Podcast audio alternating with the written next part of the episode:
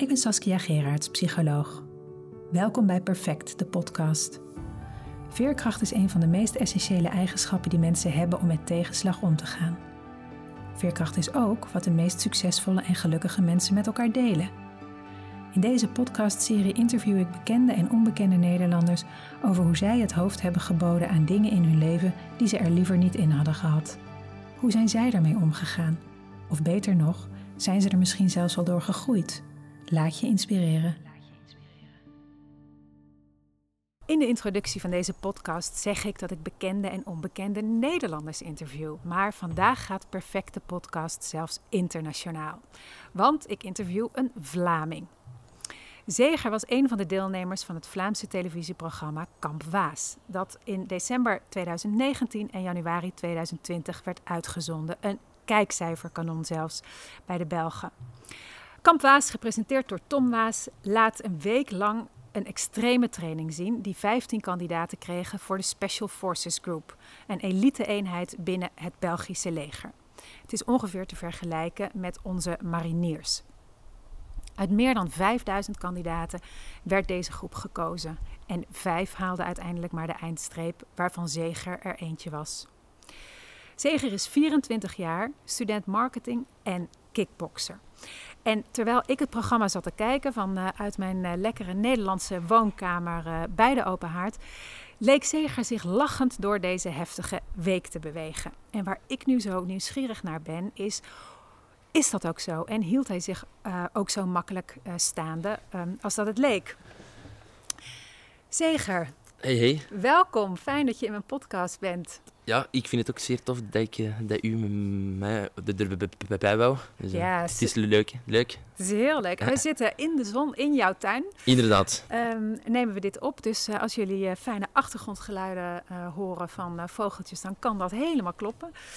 Um, en mijn eerste vraag in deze podcast is altijd, Zeger, wat is veerkracht voor jou? Wat is jouw definitie ervan?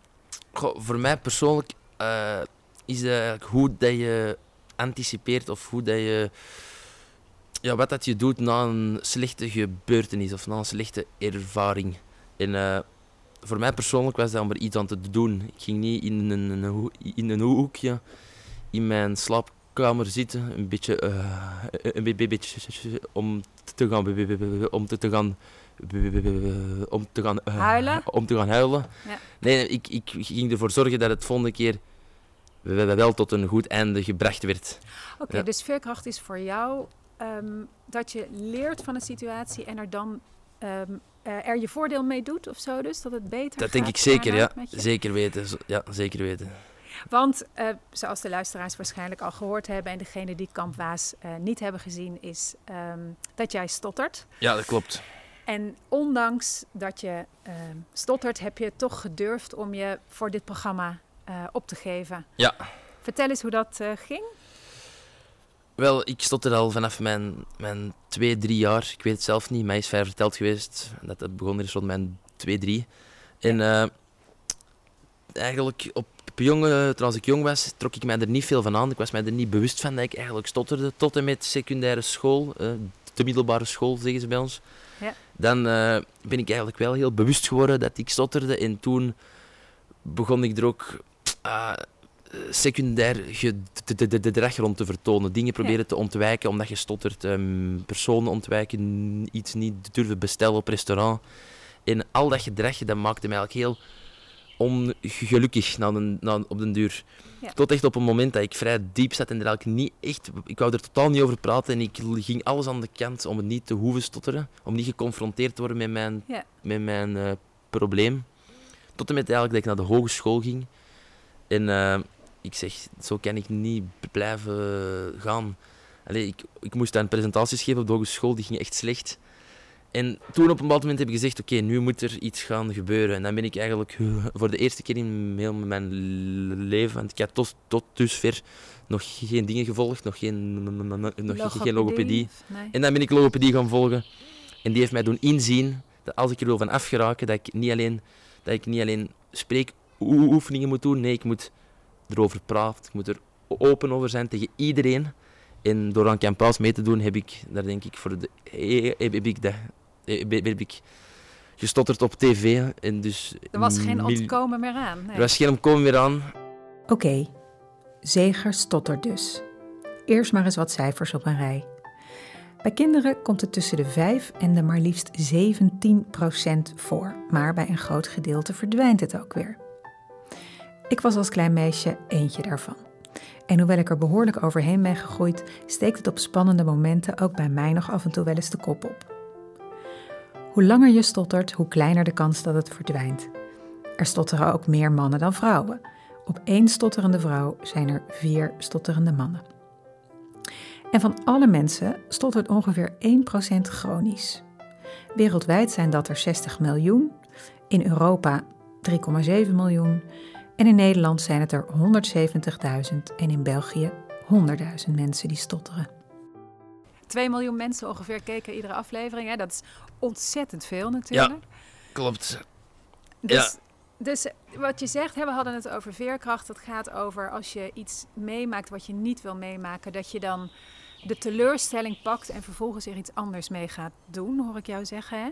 Ja. Ehm, dus is dat dan iets wat te trainen is? Ik denk, ik denk dat wel, ja. ja ik denk dat, ik denk dat het zeker een vaste trainer is. Ik denk iemand dat heel zijn jeugd eh, is vertroeteld geweest door de mama en de papa. En nooit niet echt eh, iets heeft moeten overwinnen.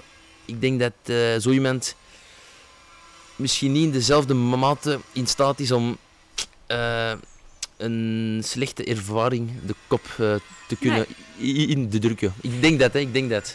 Want jij bent een sporter heel erg ook, hè? dus het klinkt dan ook alsof je veerkracht ziet als een spier. Hè? Spieren waar je nooit een beroep op doet, die blijven natuurlijk ook vrij klein. Ja.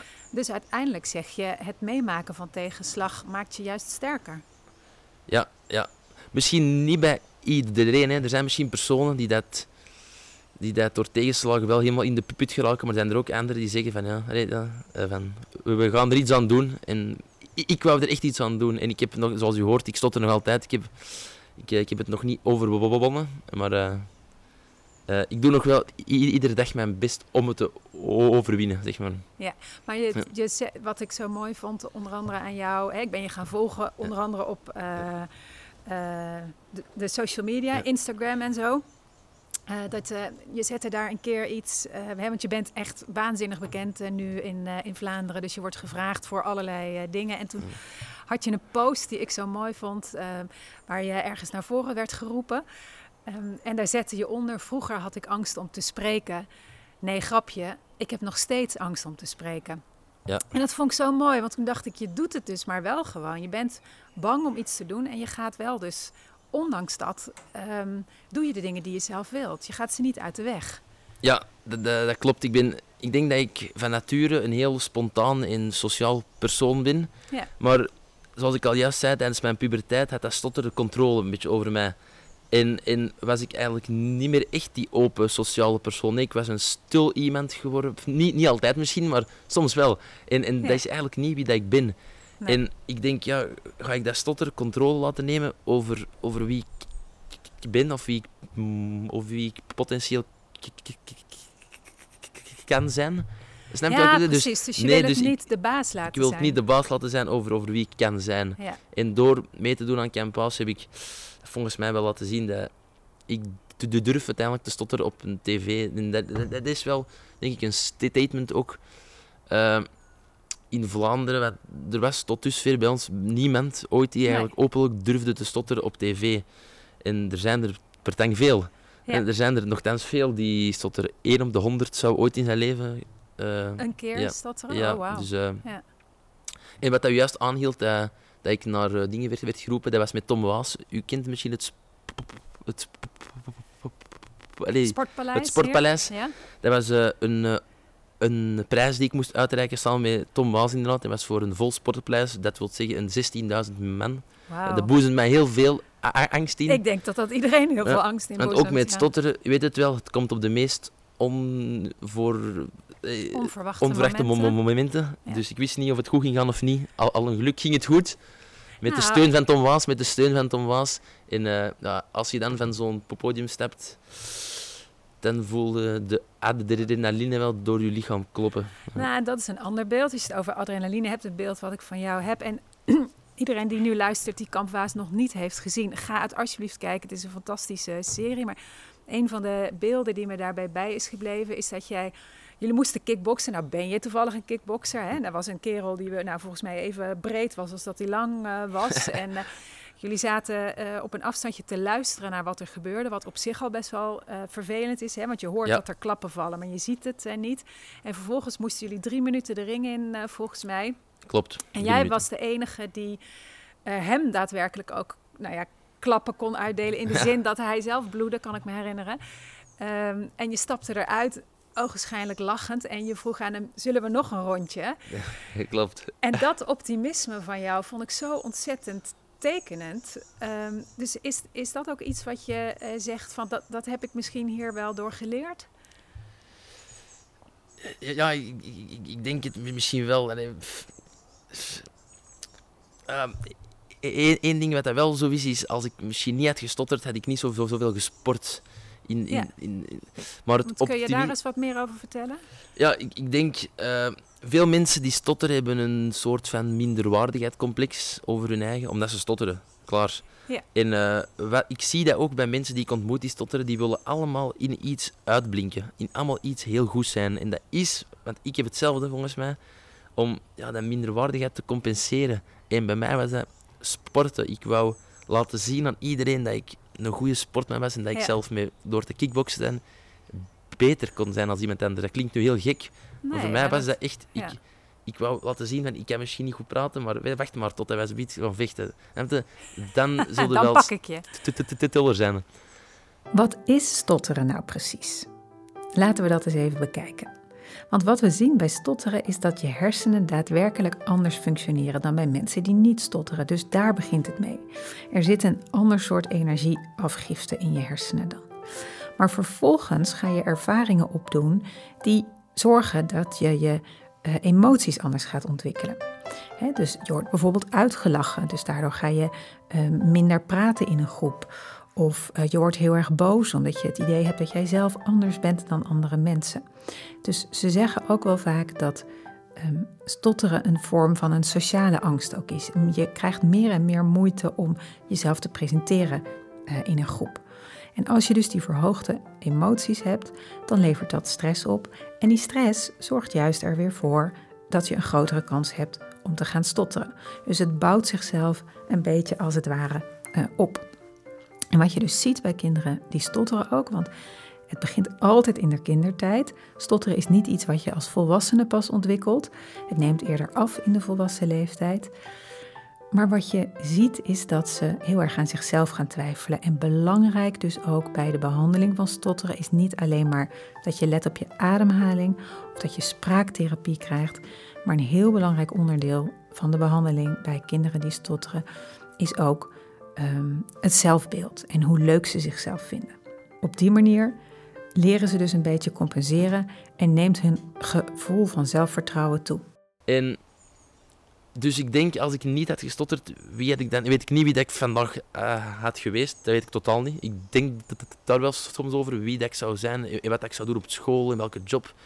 Ik, heb, want ik, ik denk wel dat stotteren mij in een bepaalde de richting heeft geduwd. En althans, de sportieve verrichting is, is, is althans goed. Dat is althans goed. Ja, maar, die is fijn. Ja, want daardoor ja. maakte je dat dus ook zo goed. Maar hè, we hadden een voorinterview uh, voordat we dit daadwerkelijk opnamen. Ja. En toen uh, hè, zei ik ook dat je zo sympathiek overkwam. En toen zei je ook wat wat me bijbleef van ja, maar dat doen de, hè, ze kunnen alles monteren zoals ze willen. En toen je het net dus had over, ja, maar ik wil dat stotteren niet uh, een grote rol in mijn leven laten hebben. Toen dacht ik, jij bent dus eigenlijk gewoon de regisseur van je eigen leven. Jij kijkt naar hoe wil ik het in mijn leven ge, gemonteerd hebben. Zet ik de camera er nu wel op of de camera er niet uh, uh, op?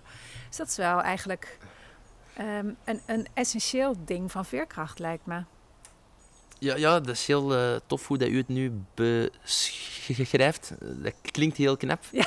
Klinkt heel mooi. heb je nooit zo over nagedacht? Nee, heb ik nooit zo over nagedacht. En nu dat u het zegt, ik denk, ik denk dat iedereen... Uh, ik denk dat dat bij iedereen wel zo is. Hè. Iedereen. Dat denk ik en, ook. En ik denk dat dat ook een beetje... Ik heb het ook gezegd in het voorinterview, een beetje...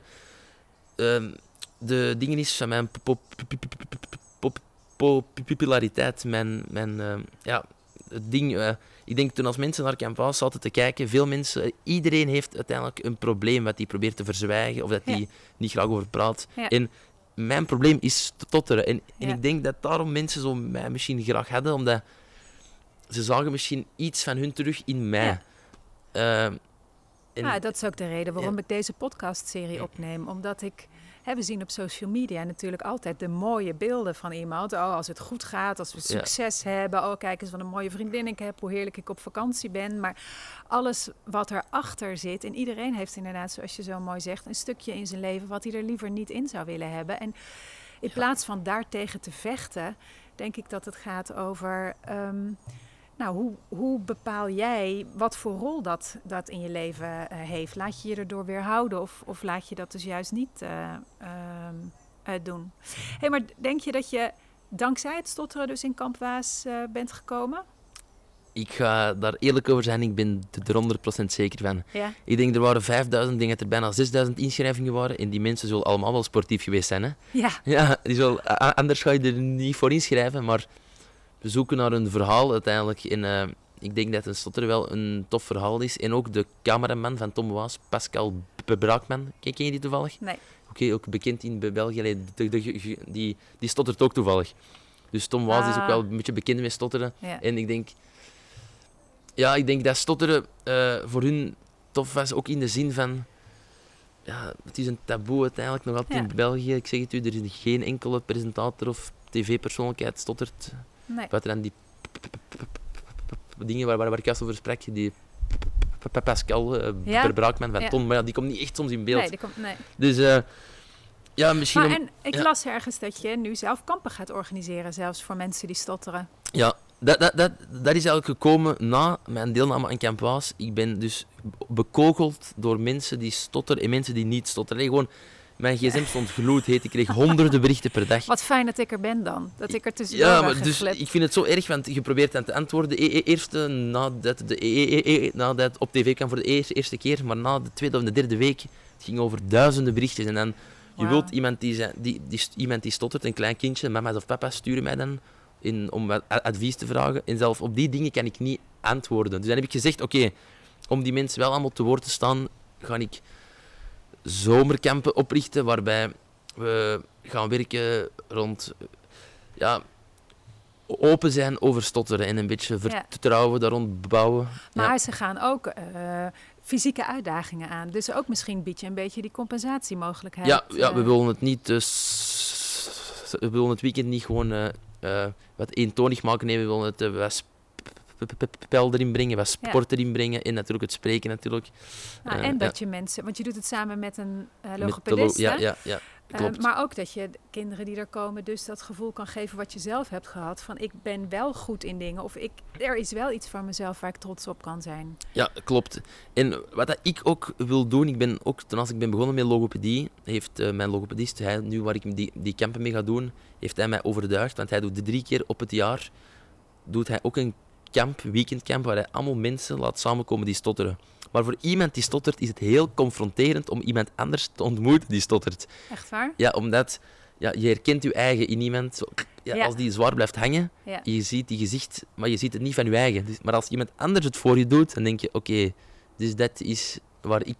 Maar, ik moet Nou, wel zeggen, je hoeft je daar op het weekend, als je het even accepteert en je gaat ervoor, dan voel je je daar zo comfortabel. Want de reden is, daar is er even een plek, de drie dagen, waar je je niet hoeft te schamen of niks Ja. hoeft te verstoppen. Daar kan je even 100% zijn wie je echt bent Ja. heb ik ervaren. Dus, als, Ja. dus mijn jeugdkampen, zomerkampen, wil ik dat ook eh, aan die eh, kinderen Dat geven. ja, dat Nou, geven. en Dat ik- geven. Je, je leert er denk ik ook wel dingen van. Hè? Ik heb je verteld dat ik als kind ook heb gestotterd. Ja.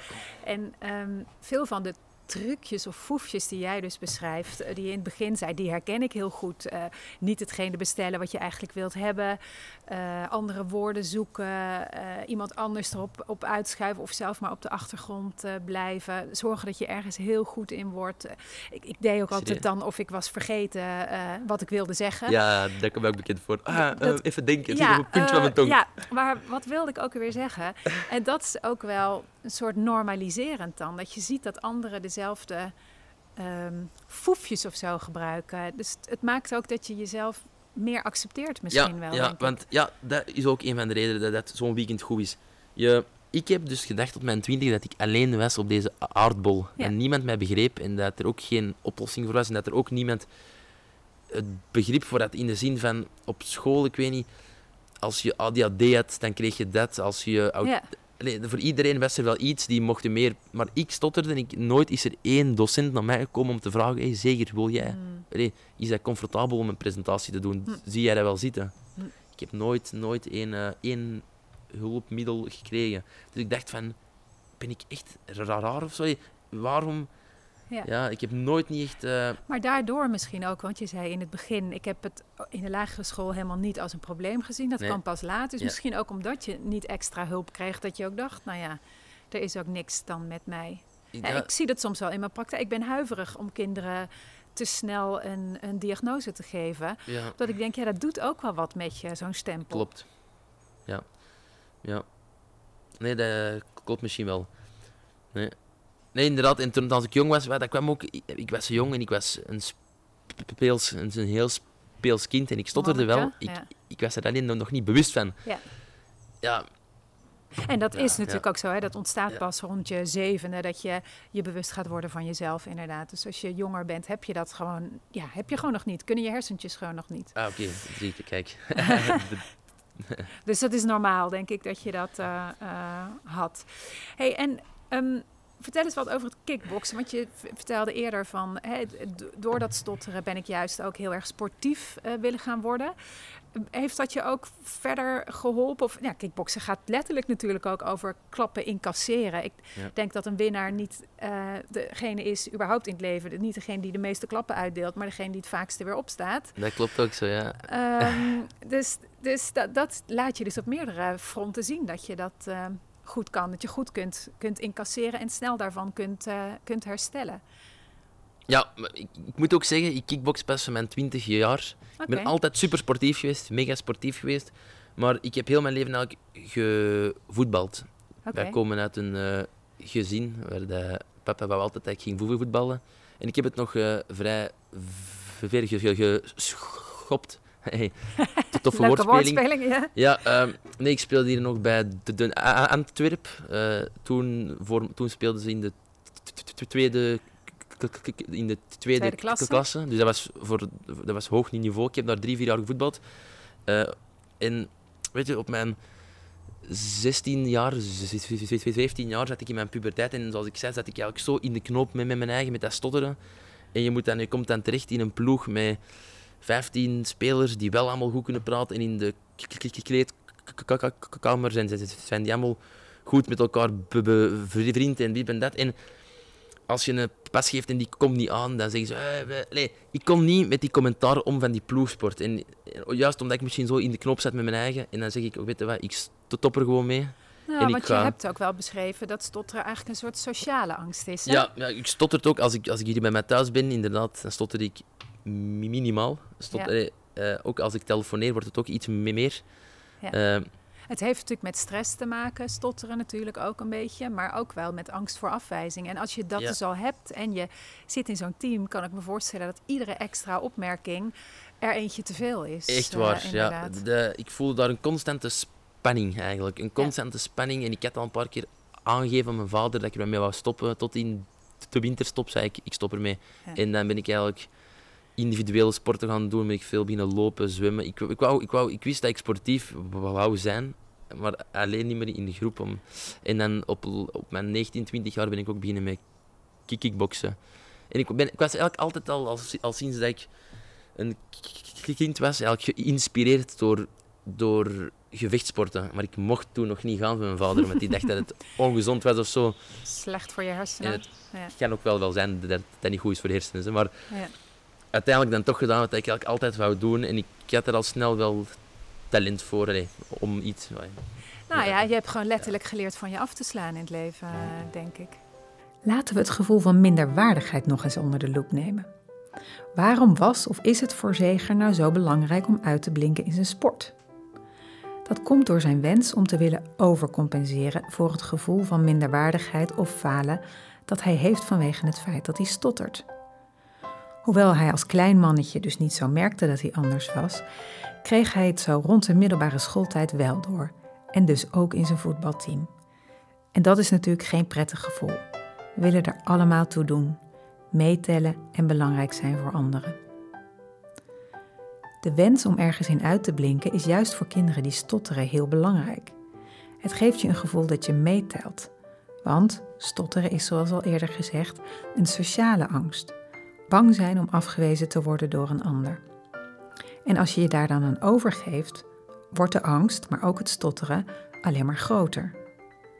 Bijvoorbeeld waar Zeger en ik ons allebei in herkennen: het vertonen van veiligheidsgedrag. Moeilijke situaties uit de weg gaan. Doen alsof je vergeten bent wat je wilde zeggen. Iets anders bestellen dan dat je eigenlijk zou willen eten of drinken. Of gewoon maar helemaal je mond dicht houden en proberen zo min mogelijk aandacht naar je toe te trekken. Gelukkig kwam Zeger over dat laatste wel heen en durft hij zo waar op mensen af te stappen. Hey, En we hebben het over dat stotteren extra lastig is als, als het spannende situaties uh, zijn. Nu heb ik toch op social media gezien dat je een bloedmooie vriendin hebt.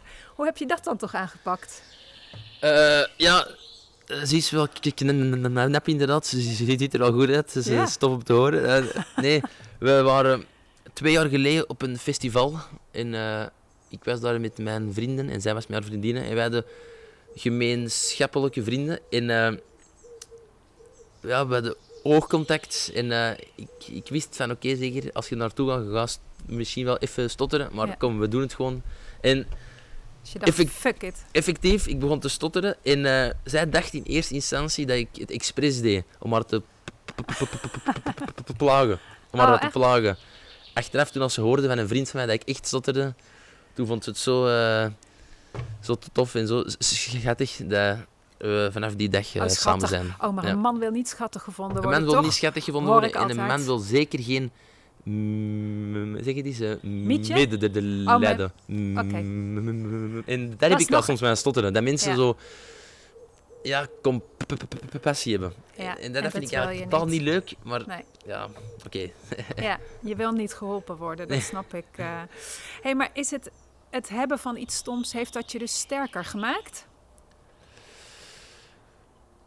het hebben van stotteren of dat mij heeft sterker gemaakt in bepaalde... Ja, ik denk het wel. Ik denk, ik denk als ik niet aan campus... Als ik bijvoorbeeld tijdens campus, ik heb daar op bepaalde momenten afgezien. Dat, ik heb daar heel zwaar afgezien. Maar ik weet niet of dat, dat mij meer pijn deed dan bijvoorbeeld zwaar stotteren als ik een presentatie moest geven op de hogeschool voor 20 man. Ik denk dat die, dat die pijn mij meer pijn doet dan even 8 kilometer uh, doen op het Gampas met een zak van 20 kilo. Ik denk dat de pijn van ver, vernedering mij meer pijn heeft gedaan dan de pijn van een beetje sporten. Dat denk ik echt wel, dat mij heeft geholpen. Want het was uh, inderdaad een hele uh, zware week. Hè? Jullie kregen ook, uh, hoe heet het ook weer, poids lourd? Of als je iets fout ja, deed, kreeg je... Kreeg... Oh. Moraal.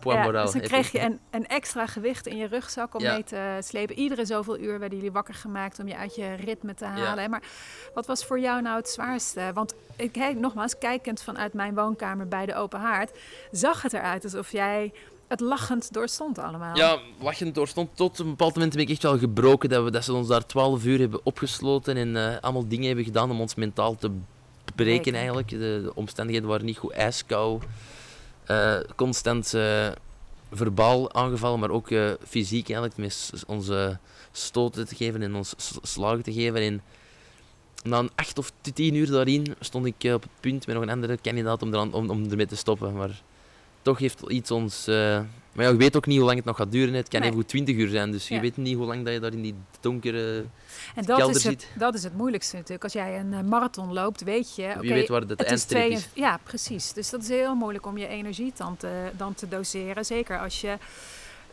um, zegt, ik... ik um, uh, ja, ben al zo gebroken ja. uh, eigenlijk. En de reden waarom dat ze dat ook... Uh, het was op dag 6 of dag 7, dus dat was bekend op het einde van de week. We hadden in totaal een 14 uur geslapen, heel die week, dus dat is oh. niets. Dus ze doen dat expres op het einde van de week, zodat we meer kans hebben om mentaal te breken. Omdat ja. je al te weinig hebt gegeten die dag. Je hebt zoveel uur slaaptekort, je, je bent moe en dan nog eens dat er bovenop. Ja. Dus eh, dat was hard. Ja. Als, als, als ik er aan terugdenk, van de, heel blij dat ik dit kunnen meemaken. Ja, je zegt dus, ik heb, ben vernederingen, eh, heb ik al eerder gehad. Dus daardoor ja. is het misschien Ja, toch. Ja. beter vol te houden. Ja, ik, Ik denk het wel, ja. ik denk het ook. ja. Ja, Op het moment dat die man tegen mij is aan te roepen, ja, het deed me niet echt veel. Nee. Het waren meer de omstandigheden, ijskou. eh, ze gieten ook met ijskou wat water over u. Allee, Ja, en- en, je nek zag ik. Ja, ja. Heb Ja. je ehm, nog een advies voor mensen die o- over veerkracht of een advies voor mensen die wat voor tegenslag dan ook in hun leven hebben? Ja, ik heb daar zeker advies voor. Mijn eerste advies dat ik zou zeggen is om erover te praten. Open zijn over het probleem eh, tegen wat je vecht. Omdat, ik ben er ook van overtuigd dat je je probleem moet accepteren voordat je het kunt overwinnen. Ja. Dat iets waar je nog zelf van wegloopt, ja, daar kun je moeilijk van winnen. Je moet de angst eigenlijk onder de ogen komen, denk ik, om het te overwinnen. En ook als het een probleem is en je schaamt je ervoor, hey, als je erover praat, dan laat je eigenlijk zien aan de personen dat je er niet meer echt mee, dat je er niet meer meer mee echt mee zit. zit.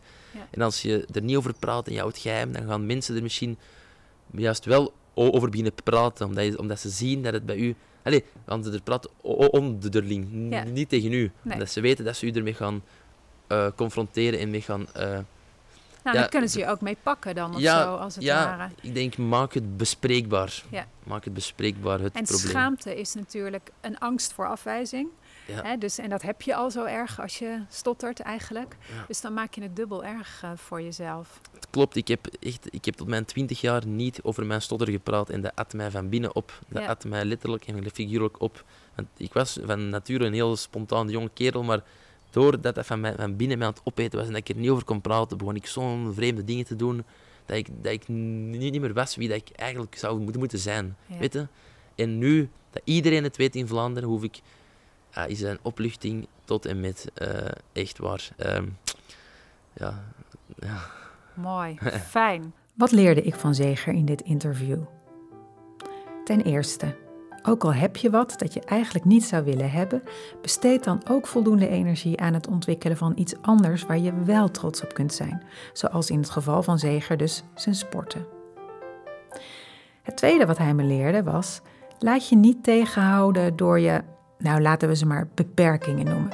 Iedereen heeft namelijk wel wat. En dat is dus geen excuus om je dromen niet gewoon te kunnen naleven. Sterker nog, misschien word je wel het voorbeeld voor anderen erdoor. Zoals de duizenden mailtjes die Zeger per week kreeg omdat stotterende kindjes ineens inspiratie vonden. Wat ik ook leerde was: praat met zoveel mogelijk mensen over hetgene wat je nou eigenlijk niet zou willen hebben. In het donker lijken de dingen namelijk altijd enger en moeilijker. Dus zet het gewoon in het licht en wees er open over. Ook daar inspireer je anderen misschien wel mee. En het laatste vond ik misschien wel het meest fascinerende aan Zeger. Ik heb geen seconde het idee gehad dat hij medelijden heeft met zichzelf of dat hij zichzelf zielig vindt. Dat zag ik al niet in Kamp Waas en dat hoorde ik ook niet tijdens het interview. En ik denk dat dat een belangrijk geheim ingrediënt van veerkracht is. De situatie volledig accepteren en van daaruit er het beste van maken. Dankjewel voor dit mooie interview. Ik vond Ja, het super ja, ja, dat ik... eh, het, het was heel graag gedaan. Ik vond het ook heel, heel, heel, heel, heel, heel tof. Ik hoop Tof. dat jullie het tof fijn kunt maken. Dat hoop ik ook. En ik hoop dat het ook op Nederland uitgezonden gaat worden. En ontzettend veel succes met je kampen. Oké, bedankt. Jij ook. Kijk eens aan.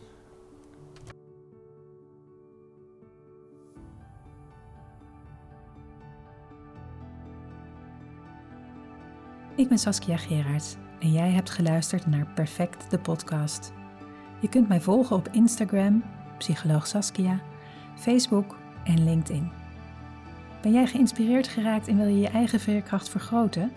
Meld je dan aan voor mijn online academy op www.saskiagerards.nl/veerkracht.